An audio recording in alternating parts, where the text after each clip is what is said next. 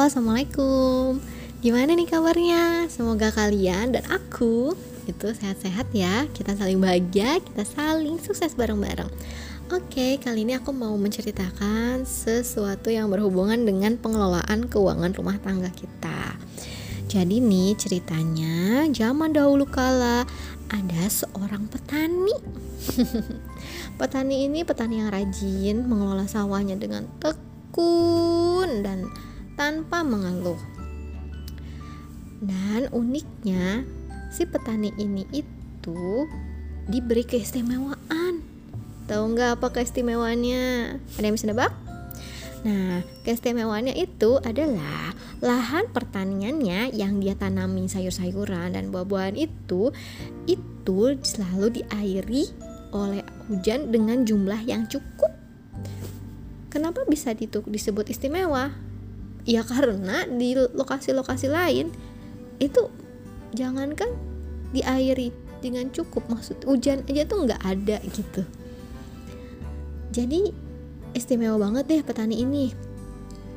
Terus ada orang alim yang penasaran. Kok bisa sih si petani ini itu begitu gitu? Subur tanahnya banyak hasil pertaniannya. Sementara di tempat lain buru-buru ada hasil tani. Sawahnya aja kering ya. Sawah nggak tahu deh zaman dulu sawah atau enggak mungkin ya yang jelas itu tempat untuk nanam lah ya kebun gitu. Nah terus akhirnya terjawablah alasannya. Kenapa dia bisa istimewa? Nah jadi ternyata Ternyata nih, usut punya usut, si petani yang istimewa ini selalu membagi hasil uang penjualan dari sayur-sayurnya itu menjadi tiga bagian. Apa aja tuh? Yang pertama, sepertiga bagian itu digunakan untuk keperluannya sehari-hari beserta keperluan keluarganya ya seperti kita sehari-hari lah kita buat kalau sekarang ya zaman sekarang nih itu ya buat makan buat transportasi buat bayar listrik bayar air bayar kebersihan uh, atau mungkin bagi yang punya hutang ya nah ya masuk ke dalam kategori ini.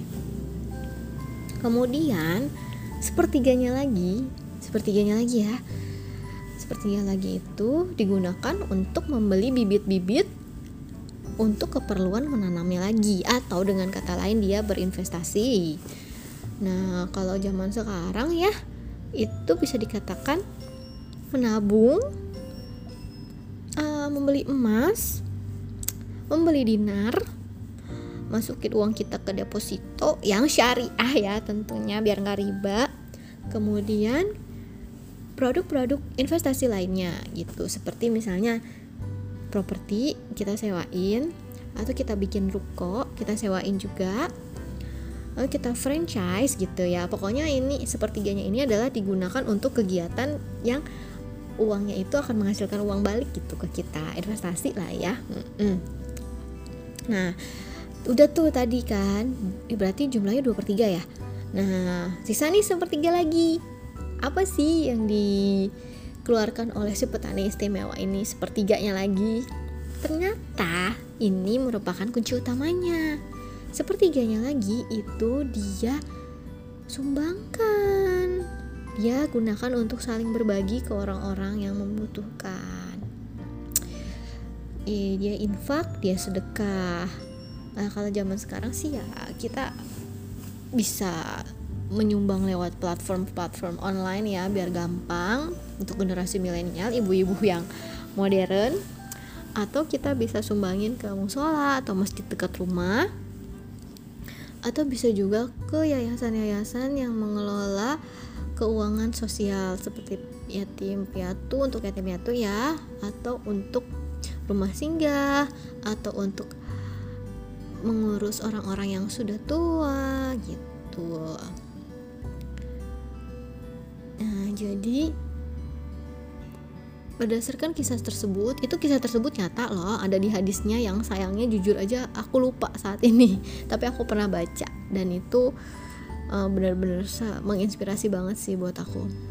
Makanya aku pengen sharing ke kalian supaya kita bersama itu bisa sukses bareng kita masuk surga rame-rame gitu ya jangan mau ditinggalin lah sama orang-orang yang udah masuk surga duluan gitu.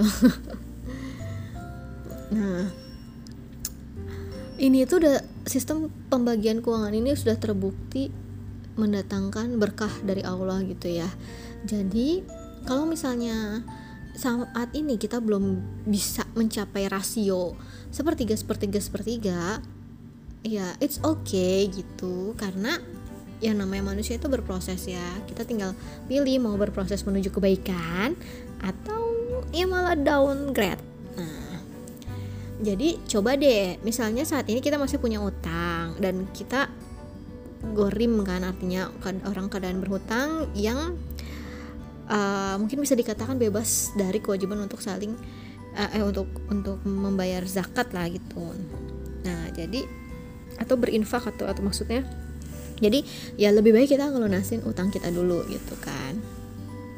Ya udah kita fokus ngelunasin utang kita dulu Nah, porsi untuk sedekahnya mungkin masih dikit gitu, masih di bawah 5%. But it's okay. Ketika hutang sudah selesai, kamu bisa naikin porsi untuk sedekah kamu hingga mencapai porsi ideal yaitu sepertiga atau 33%. Aku juga sedang menuju tahap itu sih karena jujur aja sampai sekarang masih fluktuatif ya mengingat ada beberapa yang keperluan mendadak gitu yang harus kadang harus kita bayar saat itu juga ya urgent dan mendadak gitu. Jadi ya mari kita sama-sama nih untuk menuju ke kondisi ideal itu sepertiga sepertiga sepertiga dan mudah-mudahan kehidupan kita diberkahi oleh Allah ya. Amin. Semoga sharing dan cerita kali ini itu menginspirasi kalian karena aku percaya sharing is caring kita saling berbagi kita saling menginspirasi dan kita sukses bareng-bareng. Oke? okay? Oke udah salam. Dari assalamualaikum